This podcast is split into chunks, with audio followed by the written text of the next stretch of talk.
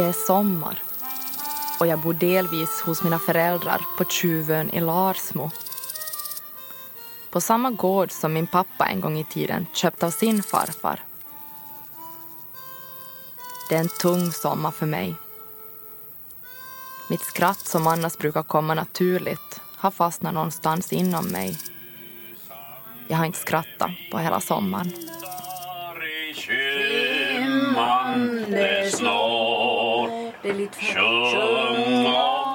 Jag kommer hem från ett arbetsskift och möts av skratt, sång och en kakofoni av minnen. Pappas syskon har i vanlig ordning kommit på besök från grannländerna. Den här gången för att fira pappas lilla syster Maj-Britts 75-årsdag. Jag skulle handla några korvar hem till frugan och till Rorvar. Det är namnet på vår trogna gamla katt. Men han var så ensam, han var så envis den där gubben, pratsam, pratsam. Den gubben. Så han så jag köpte hela. Det är min pappa Macki som är äldst, Maj-Britt, Poser och Stina. Inte ni nog riktigt talangfulla. Yngsta systern Kia kom inte från Sverige i år och brodern Raffi finns blott kvar i minnet.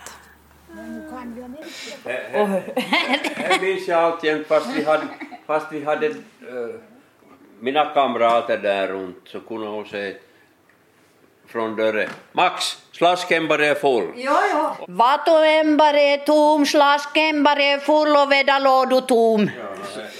Och jag minns många gånger jag skämsta för Hedinan. Och en gång då, då hade jag skulle, jag skulle hade, för ämbare så var, så var jag så full. Och så var en, en lort ju, just som, som, som kippa över. Och, och så är de där då, de där, du vet, ingenjörs, ingenjörsbarnen som, som, som jag hade just varit och talat med där, de var ju där då. Och, och jag, jag alltså hade i lorten, vet du nog Jag tänker, hur kan de skratta så här? Trots fattigdom, krig och sorger i livet. Jag inser att jag vet väldigt lite om min pappa och hans syskons bakgrund. Och för första gången vill jag veta mer. Var det Gerd och Tor som... Gerda. Gerda och, Gerda och, var det Tor som var skräddar och Gerda som var, eller det var, fam, det var din farmor Nej, och det var Brita och August. Ja, ja, precis. Ja, det, det är ju mina farföräldrar. Ja. Som, då hon var som, hon var som från en rik, rikare familj i Kokkola och han var... nej, nej, nej, nej, nej, nej, nej, nej. Nå, ska jag börja nu då? No, ja, börja bara. Jag bestämmer mig för att göra en dokumentär om dem. Mamma och pappa, alltså Tor och Gerda. Månadens dokumentär presenterar Dra upp Snurro, en familjeberättelse. Av mig, Anna-Sofia Nylund, med ljuddesign av Jyrki Häyrynen. mamma den var en sammanhållande kraften. Alltså det var hon, alltså pappa jobbade och slet med kroppsarbete på ackord hela livet för att försörja de här barnen. Så att mamma var, mamma, men hon var också den som hade fest, alltså hon gjorde fest av, av, av vardagen. Hon var leken. Vi kunde leka med henne alltså. Och hon kunde troll sa vi. det är nog lite sant då. Alltså när vi lekte nå så blev hon så uppslukt att ibland hade jag känslan av att hon övertog hela. Om vi skulle på utfärd så binte hon och pajste och ställde med, med kex och saft och allt möjligt. Så att eh, det blev liksom på en måte hennes utflykt. Och så hade hon, då inte pappa ville flytta möbler, då hon skulle möblera om ofta. Det var som med gardiner, de skulle bytas till det var påskgardiner och det var sommargardiner. Och det. Men möblerna skulle flyttas och pappa sa nej, han, han ställer inte upp på det här. Och då la hon möblerna på en matta och så drog hon dem envis.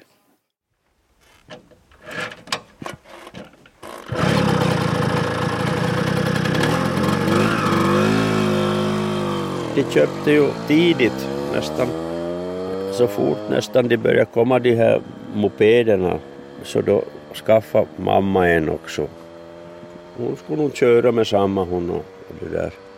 Inte var det vanligt att någon kvinna skulle sitta sig på en motorcykel och fara men hon var nog tuff på det viset att hon första gången då hon satte på cykeln så körde hon till Lappfors 40 kilometer. Första gången? Första gången. Så då hon kommer till Lappfors så visste inte hon, hon hur man ska stanna den där cykeln så hon ropade åt några pojkar där som var som satt där vid kaféet. att kom och hjälp, jag vet inte hur man ska stanna den här.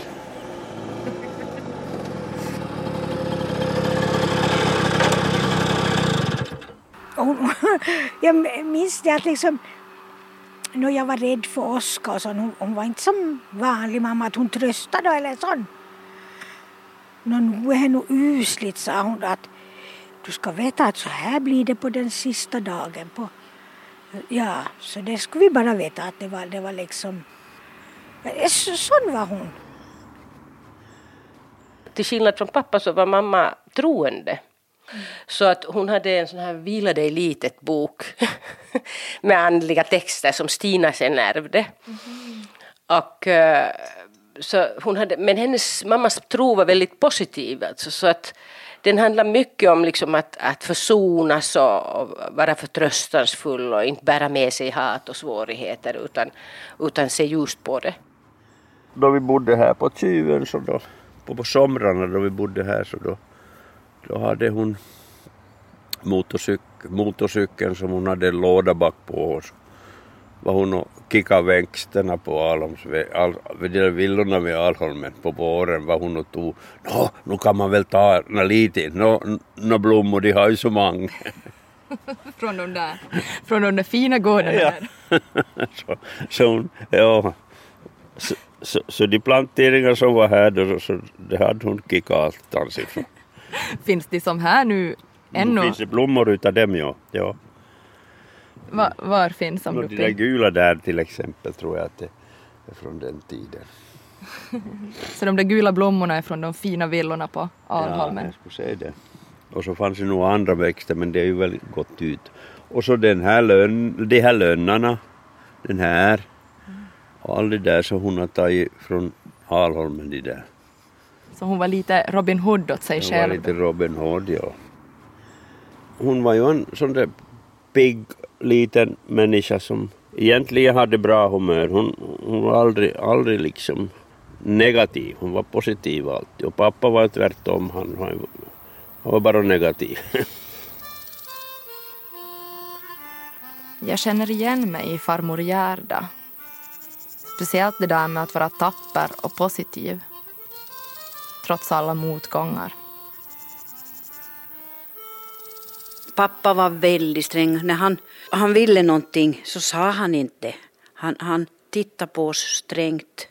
Och då, och då visste vi, och man vågade inte säga emot honom nå. Om jag kom lite för sent, då hade de låst ut mig uh, i Alholmen. Om, jag hade inte, om inte jag hade räckt bussen och måste gå hem, eller det var, gick inte så sena bussar heller. Och de hade sagt komma hem elva. Och jag inte kom kanske en halvtimme senare, eller, då kom pappa. Då hade de låst ut mig. Då fick jag en kovil. Vet du vad kovil är? Eh, en sån örfil. örfil. Han jobbade nog mest och, och han, han var ju som alla andra gubbar den tiden. Han, han, for, han for med sin portfölj till Alko på, på det där. Inte var han någon storsypare eller något sånt men det skulle vara den där flaskan på lördagen och då for han dit och efter den. Och... Men han var nog tryggheten. Så att om han var hemma så var det tryggt. Det var det. Han var inte rädd för Oskar eller... Han var inte rädd.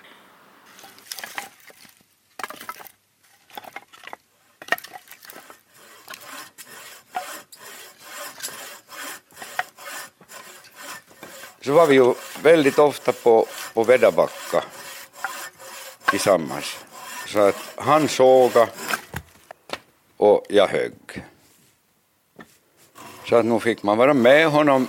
Han, han, han liksom äh, lekte inte, inte minns att mamma skulle ha lekt heller, men, men han, han lekte inte, man gjorde saker. Och inte, inte behövde man tala så väldigt mycket, men, men man var tillsammans.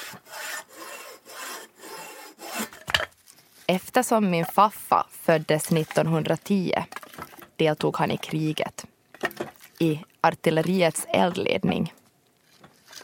Det var just efter att pappa hade fötts. Jag blev gjort före de var gifta. Och det där. Och så blev det ju krig.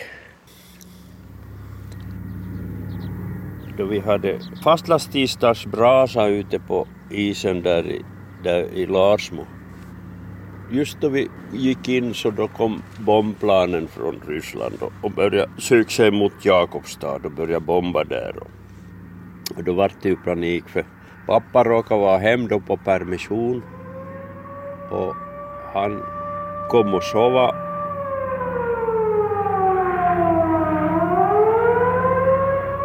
och så började tanterna, alltså de där bondmororna komma in och säga att det är ju krig, att du måste komma ut, du har ju varit krig, du måste komma ut och alltså de bombar ju.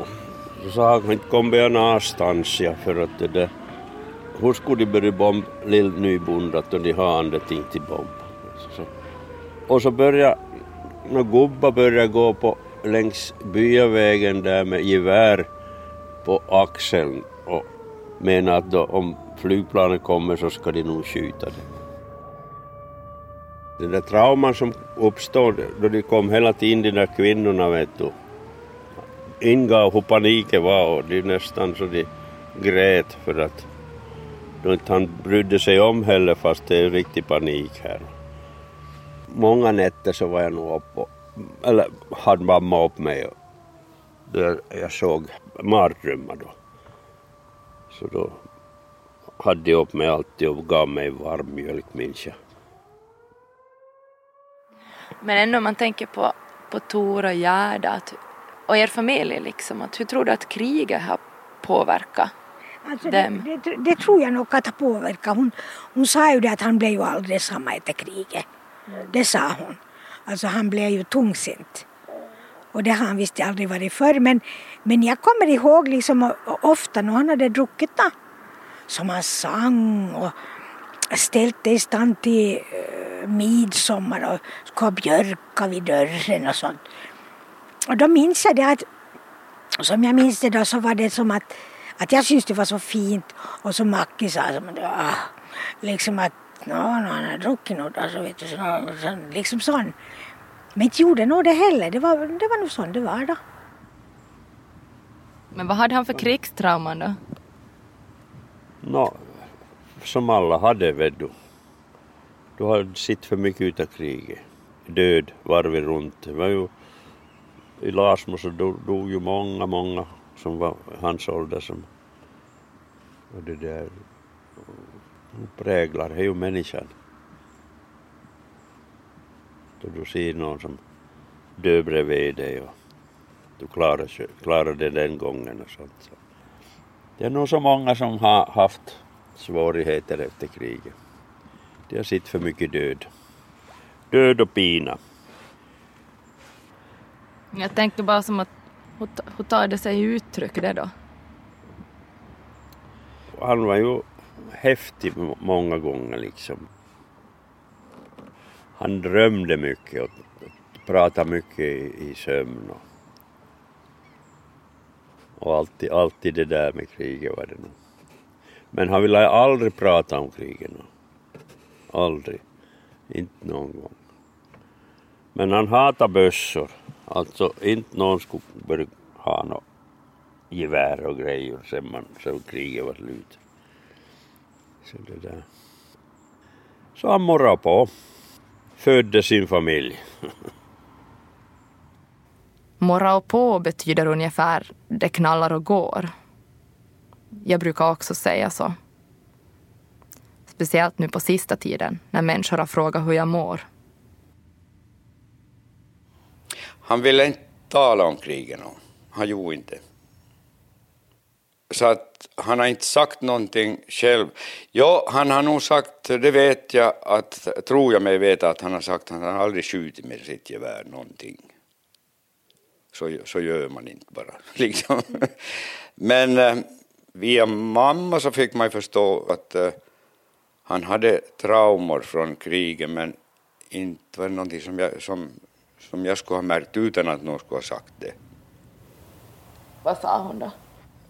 Ja, hon uttryckte väl att han blev mera djupsint efter kriget, att han har någonting som påverkar honom.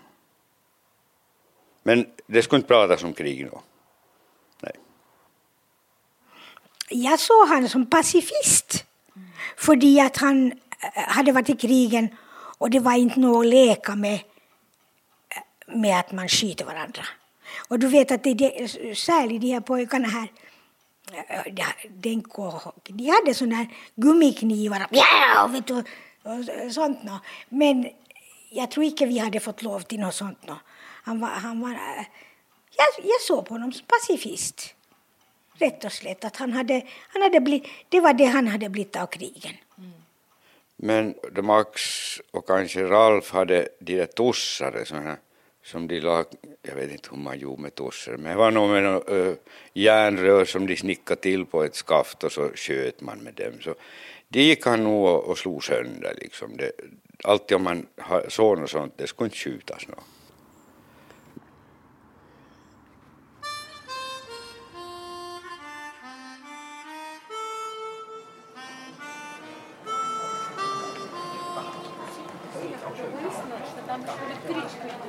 Eftersom Kia inte är på plats under sommaren bestämmer jag mig för att åka till Sverige för att höra hennes version av deras uppväxt.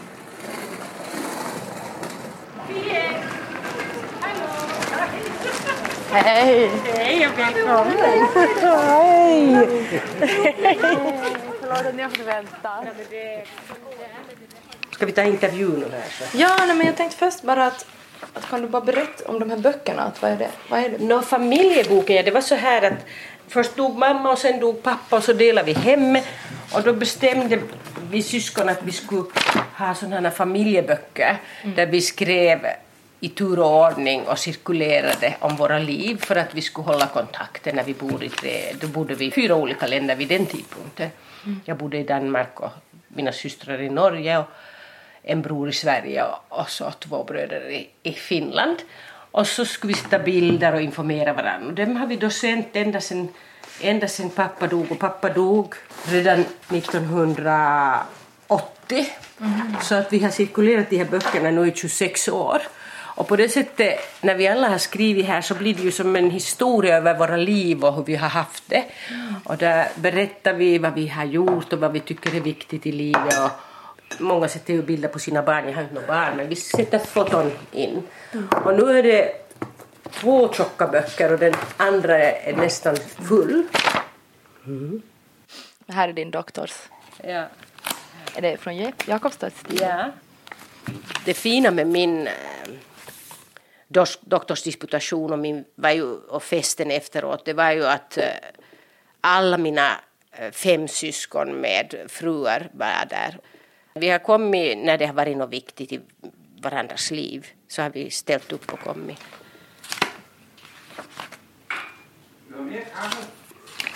Nej tack. Hur tänker du att, att kriget påverkar Tor?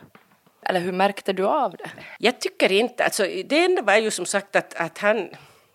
Jag, jag vet att man säger att alla män i Finland har förstörts av kriget och det var ett trauma som har påverkat hela familjerna. Jag kan inte säga det om pappa för att eh, han talade aldrig om kriget. Alltså det var ett tabuämne, han ville inte tala om det. Eller eh, om sitt eget deltagande i kriget, det, det ville han inte tala om. Men han ville som sagt inte att hans barn skulle leka krig. Han var, skulle jag säga, någon slags mildare form för pacifist. Han var inte någon krigshetsare och han var inte stolt över att ha dödat folk. Man ska inte få medaljer för att man skjuter ihjäl andra människor. Han kunde, hade svårt att se att, att ryssarna skulle vara sämre folk än finnarna.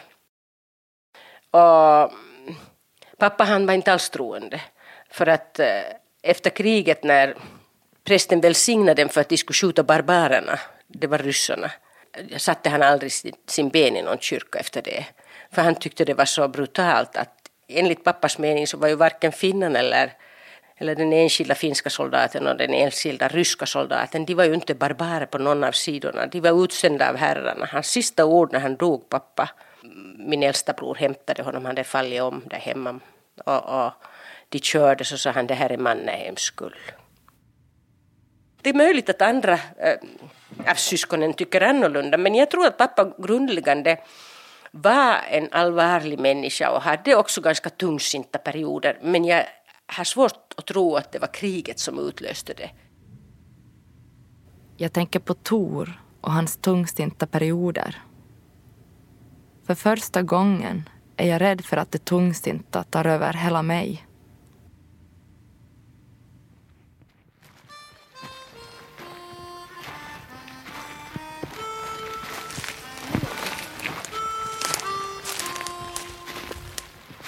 Och, och, jag tycker att pappa har varit oerhört viktig för mig. Alltså jag tycker att um, han har han har ju aldrig gjort någon skillnad på flickor och pojkar. Han har, han har uppmuntrat oss alla att vi kan gå hur långt vi vill. Och, och som jag sa så hade han ju den där moralen av den skötsamma arbetaren, det vill säga att man måste bjuda till.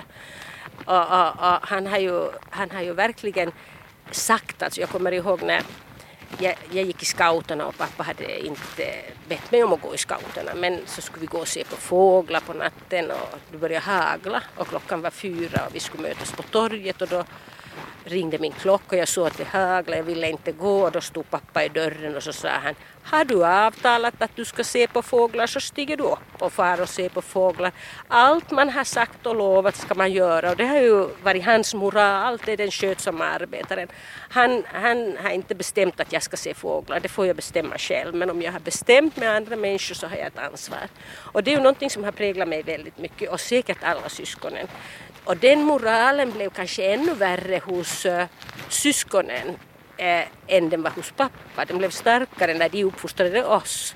Så om jag till exempel kom hem och grät och sa att någon väninna hade varit elak eller en lärare så sa de alla syskonen, det är säkert, om du griper i egen barm så var det säkert ditt fel från början. Mm. Så att jag har på något sätt lärt mig att alltid om, om jag mår dåligt eller kanske tycker att jag blir illa behandlad så, så ska jag på något sätt gripa i egen barm och kanske var det ändå mitt fel. Det är alltså Jolakans föräldrar som brukar vara här, som två kilogram. Flera år i rad, men nu är det ingenting. Så det kan ha varit antingen att det inte är säsong, alltså att det är för torrt, eller att någon annan har utsätter.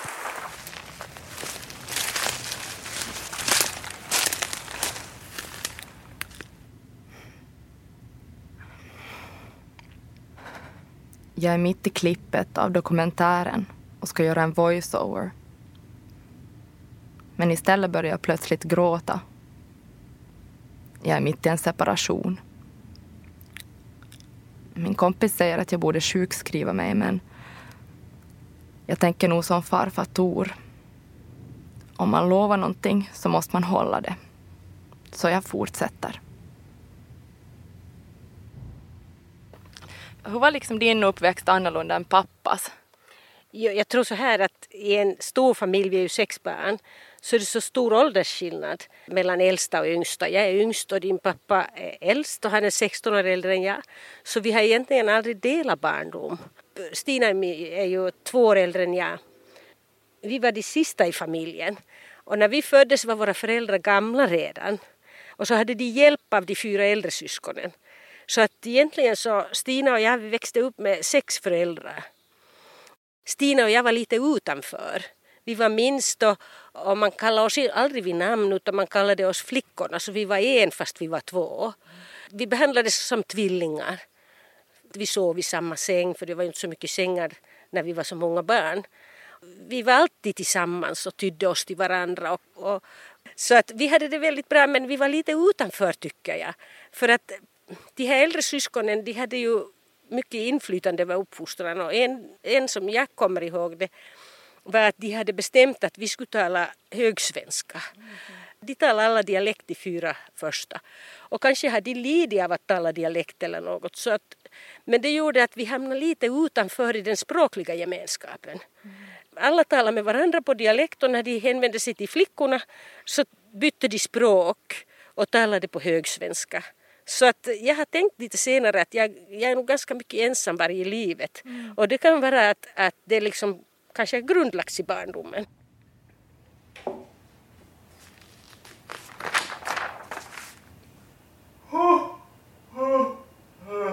Oj, ja.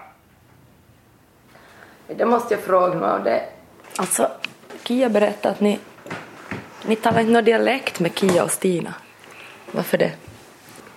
Eli, de kunde inte tala någon allhons dialekt. De umgicks ju med, med de där barnen som, som pratar högsvenska där. Så det måste nog vara omgivningen ändå. Eller skolan också kanske. Det kan jag inte komma ihåg. Men Kia människor.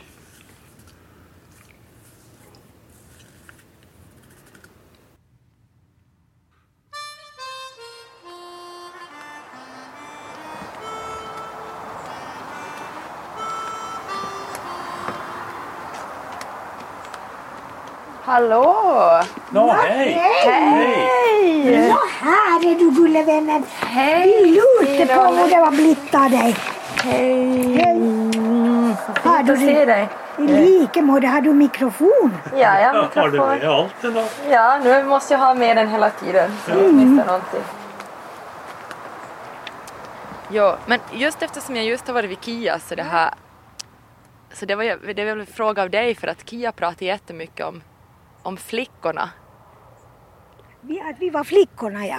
Vi var liksom, vi hade inte något eget namn, vi var flickorna. Eller unga. Ja, Kia, Kia och jag, vi var ett. Vi, vi sov samman och vi åt, åt samman. Alltså, vi, det var ju så mycket folk så vi rymstade ju inte vid det vanliga bordet. Vi hade ett sånt litet bord som vi åt på. Och så var det så att det inte Kia tyckte om så åt jag och det hon inte, ja. Jag tror nog att det var helt till jag blev tonåring så, så plötsligt skönte jag att det liksom, jag var ju jag. Men, eh, men det är nog faktiskt att det var där, så länge var det alltså. Att vi, vi var liksom ett på en måte bara.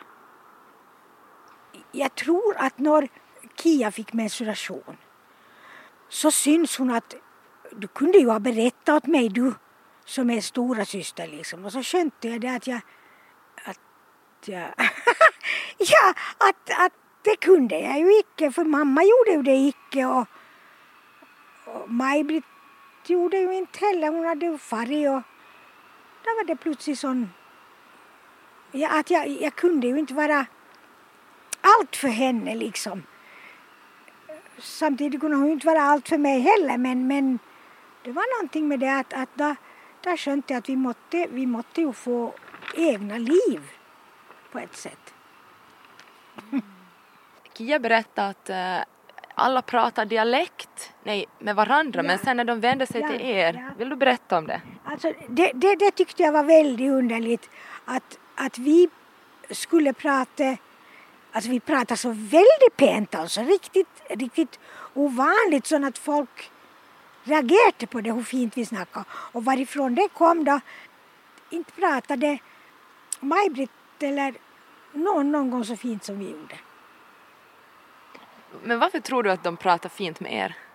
Jag vet inte, jag hade intrycket att vi skulle bli till något. Vi skulle verkligen bli till något. Vi. Och mamma var liksom väldigt med att vi skulle umgås med, med de som var något. Jag tror det är som att vara ett, att på klatten när man, när man kommer två så tätt på slutet och det liksom inte, inte ska ha varit några flera. Jag tror det. För, men ni har väl ändå liksom, eller det har ju ni alla syskon men du och Kia har väl ändå hållit liksom Hela tiden. hela tiden? Ja, ja, hela tiden. Hon, vi, ring, vi ringes hela tiden och, och, och jag vet att när, när liksom det är vanskligt för mig så, ställer hon upp, hon gör det. Jag fortsätter med dokumentären. Men jag kommer inte vidare. Jag kan inte hantera mina privata känslor.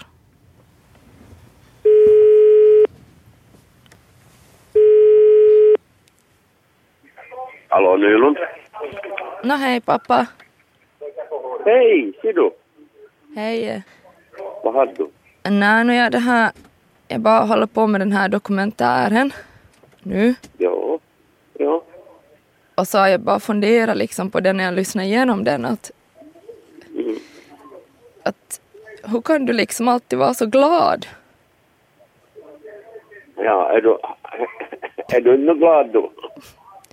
Nå inte just nu, jag brukar ju vara som ni men...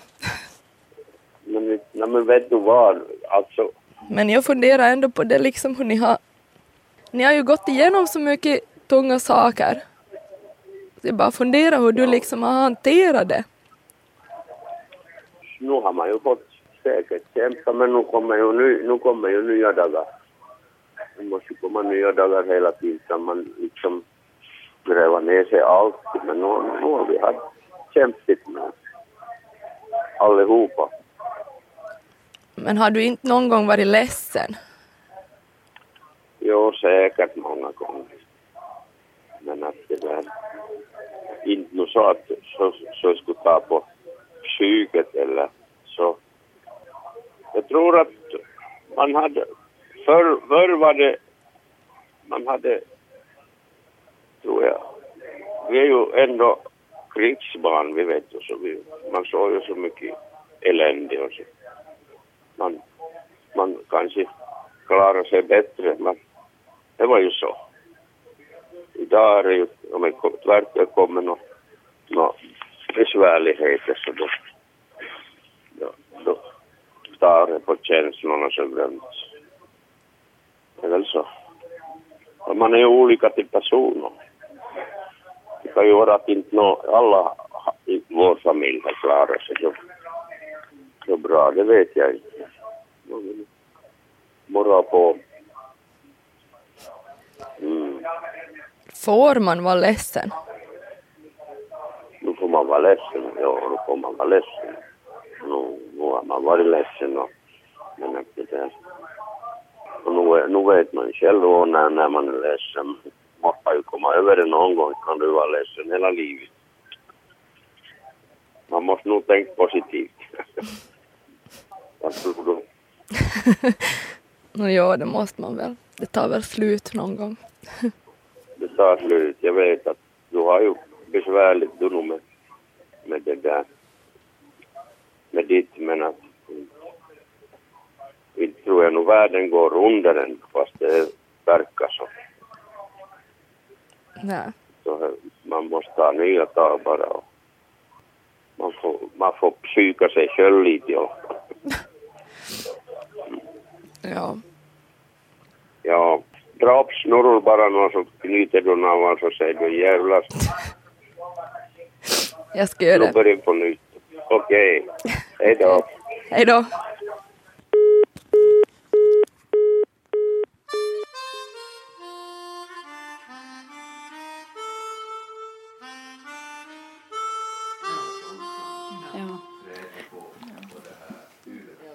Det, har, du no, har du några liksom svåra minnen som, tillsammans med dina syskon? Jag kan inte komma ihåg något som verkligen är svårt alltså. Det, det kan jag inte komma ihåg. Nej. Jag tror att jag var väldigt lär mig när Maj-Britt drog till äh, eh, Australien. Då tror jag jag var ganska lär mig, men det gick ju över. Och så kom hon ju tillbaka. Så jag tror inte att jag har egentligen så väldigt, väldigt svåra minnen vad jag kan huska. Torr är också förnybar. Då, Macke ärtade mig mycket, minns jag. Retas. Han retas hela tiden. Jag vet inte varför du gjorde men du har slutat och, och jag tog åt mig. Så jag minns Kjell sa han inte fara nå till, till Finland han för då, då, då är ju, han tyckte inte jag var mig själv för att jag gråt ju och det var ju usligt. Det var en tid ja. Ja. För jag vet inte varför det blev sån men eh, jag, jag hade väl varit ganska självständig då i många år så kom jag hit och så kanske jag blev den där lilla systern men jag, jag minns när jag började få puppa då, att bröst och, och, men du tog kort av mig ändå och så sa du du har blivit så fet, det huskar jag. Och, och, så, ja, och så, ja, ja, ja, ja, men jag, och så det kortet har jag ännu och jag är inte nå fet. Ja, men alltså, det där, alltså jag, därför så har jag nog fått det där med fet. Det är nog riktigt sista. Och, eh, inte, inte är jag smal men inte nog så illa heller. Men alltså, då hade jag varit så länge bort från dem att jag förstod inte att, att någon skulle vara sån eller. Inte, jag, alla hade varit snälla. Jag, jag minns jag sa jag vill inte komma hit när jag får hemmet själv för han förstår mig. Ja. Att det gick på mig med ting som, som jag, jag minns en gång jag sa, sa att, att, jag, att jag vill inte komma hit nå för att ni förstår ju inte, ni förstår ju ingenting av mig. Alltså det var en, en, en period som jag tyckte att det var väldigt tungt. Eh, jag, jag hade blivit en annan person och i de situationerna så hade jag några år där jag grät väldigt mycket. Alltså det, det tunga på, på sommarhuset var att man, man satt liksom varje morgonmål och varje lunch och varje middag men först och främst morgonmålen var minst mellan 15 och 20 människor runt bordet. Och det är ganska belastande och då upplevde jag att då föll det tillbaka till att du har alltid och du har alltid. Men det här jag vuxit ifrån, alltså man utvecklas ju inte, inte, inte håller man på på samma sätt nu. Jag tycker att nu, nu har vi börjat behandla varandra lite mer respektfullt, alltså vi försöker inte tvinga tillbaka någon till sexårsåldern. Uh, För det är tungt. Jag har alltid varit yngst, men jag kan inte fortsätta att bli behandlad som den yngsta. Och det tycker jag inte att man gör så mycket mer, men jag tror att det krävdes att jag sa ifrån också. Ehm, Så att inte har jag det längre så. Jag vet också att Maj-Britt har sagt att hon hade i förhållande till sina två större bröder det så just när hon kom hem från Australien.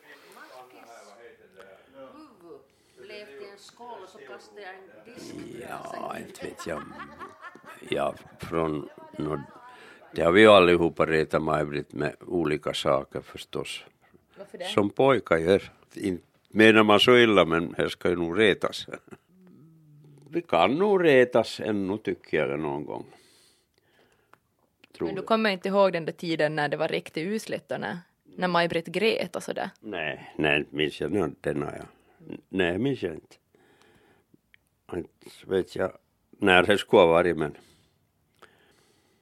det kan nog vara att vi Ralf och jag retas nog säkert med, med, med det här Maj-Britt. tror jag det nog.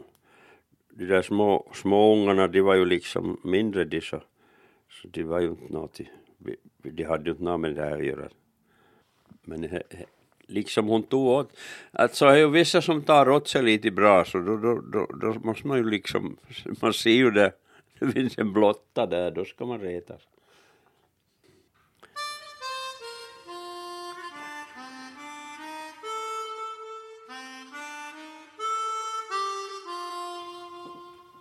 Ingen har ännu berättat om, om Raffi, alltså hur det, hur det var när han dog.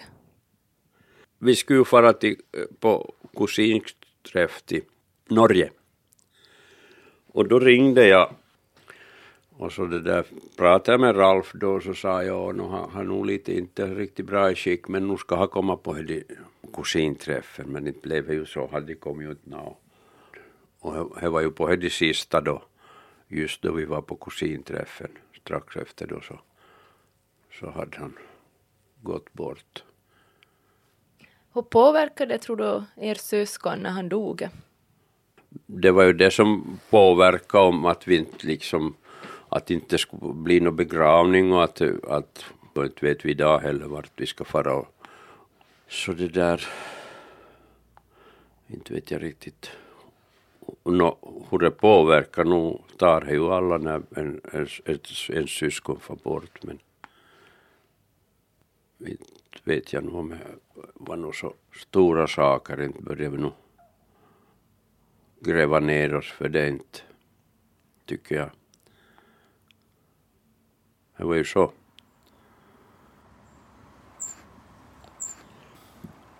Se du, nämen lilli tutti. Är nu?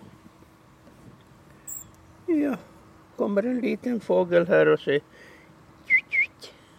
Det var nog lille. Ja. Vad är det för fågel? Att jag vet.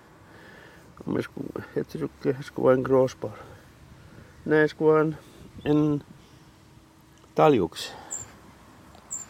Det var nog lill. Var det mamma då? Den är inte rädd. Nej, den förstår inte vara rädd ännu.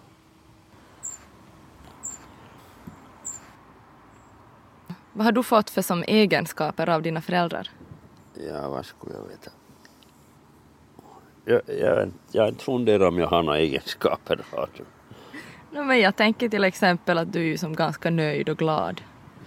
Nå ja, om jag skulle, då måste det nog vara från mammas sida. ja, jag är inte någon sån där djuptänkare. Jag, liksom. Jag tar dagen som den kommer. Det tror jag nog mamma gjorde. Att allting ordnar sig. Det, det tror jag.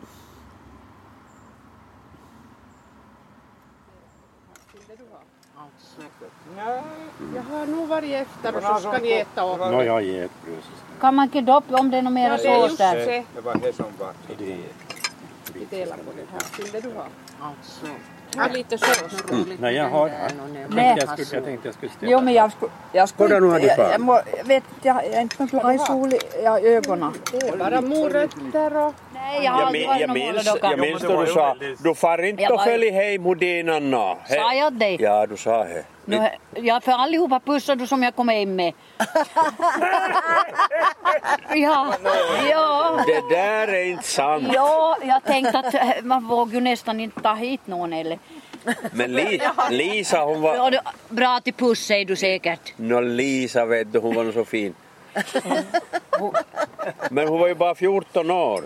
Nå, hon var som med, det var ju väninna min, vad skulle du dit? Ja, men hon var nog riktigt bra. Nej, jag, för, jag förde hem henne och, och så. Har du fört hem henne också? Ja, och, och det är där utanför deras port så, så, så, så tog vi och pussa. Så, så Nej, vad som ville? Nej, Du var ju många år äldre nej, var du då. nej. Alltså det är precis som jag hade den där sången, vad heter den om, om Oj nej, nu vet jag vad som vad, kommer. he- vad heter de? Cecilia Lind. Cecilia Lind. Nästan precis samma för... Jag vet du. Nu blir, vill jag bli kysst, sa Cecilia Lind. Det var Oj. nästan som Elisa. Nå, just mig ikväll för, där vän. Nej, vi tycker nog om varann. Ganska bra. Ja, tycker jag att det skulle halt nog mycket Dokumentären lider mot sitt slut. Och nu vet jag att allt blir bättre. Ibland måste man dra upp snurro och morra på. Och låta skrattet förlösa. Vi kommer ihåg hur vi skrattade det hemma. Så det är, inte, det är ofta att vi skrattar tills tårarna trillar. Och det gör jag inte med så hemskt många andra utanför familjen. Drömmarnas sjö jag går Du är för högt, jag kan inte sjunga. Du har lyssnat på månadens dokumentär Raups snurro, en familjeberättelse. Av mig, Anna-Sofia Nylund, med ljudarbete av Jyrki Häyrynen.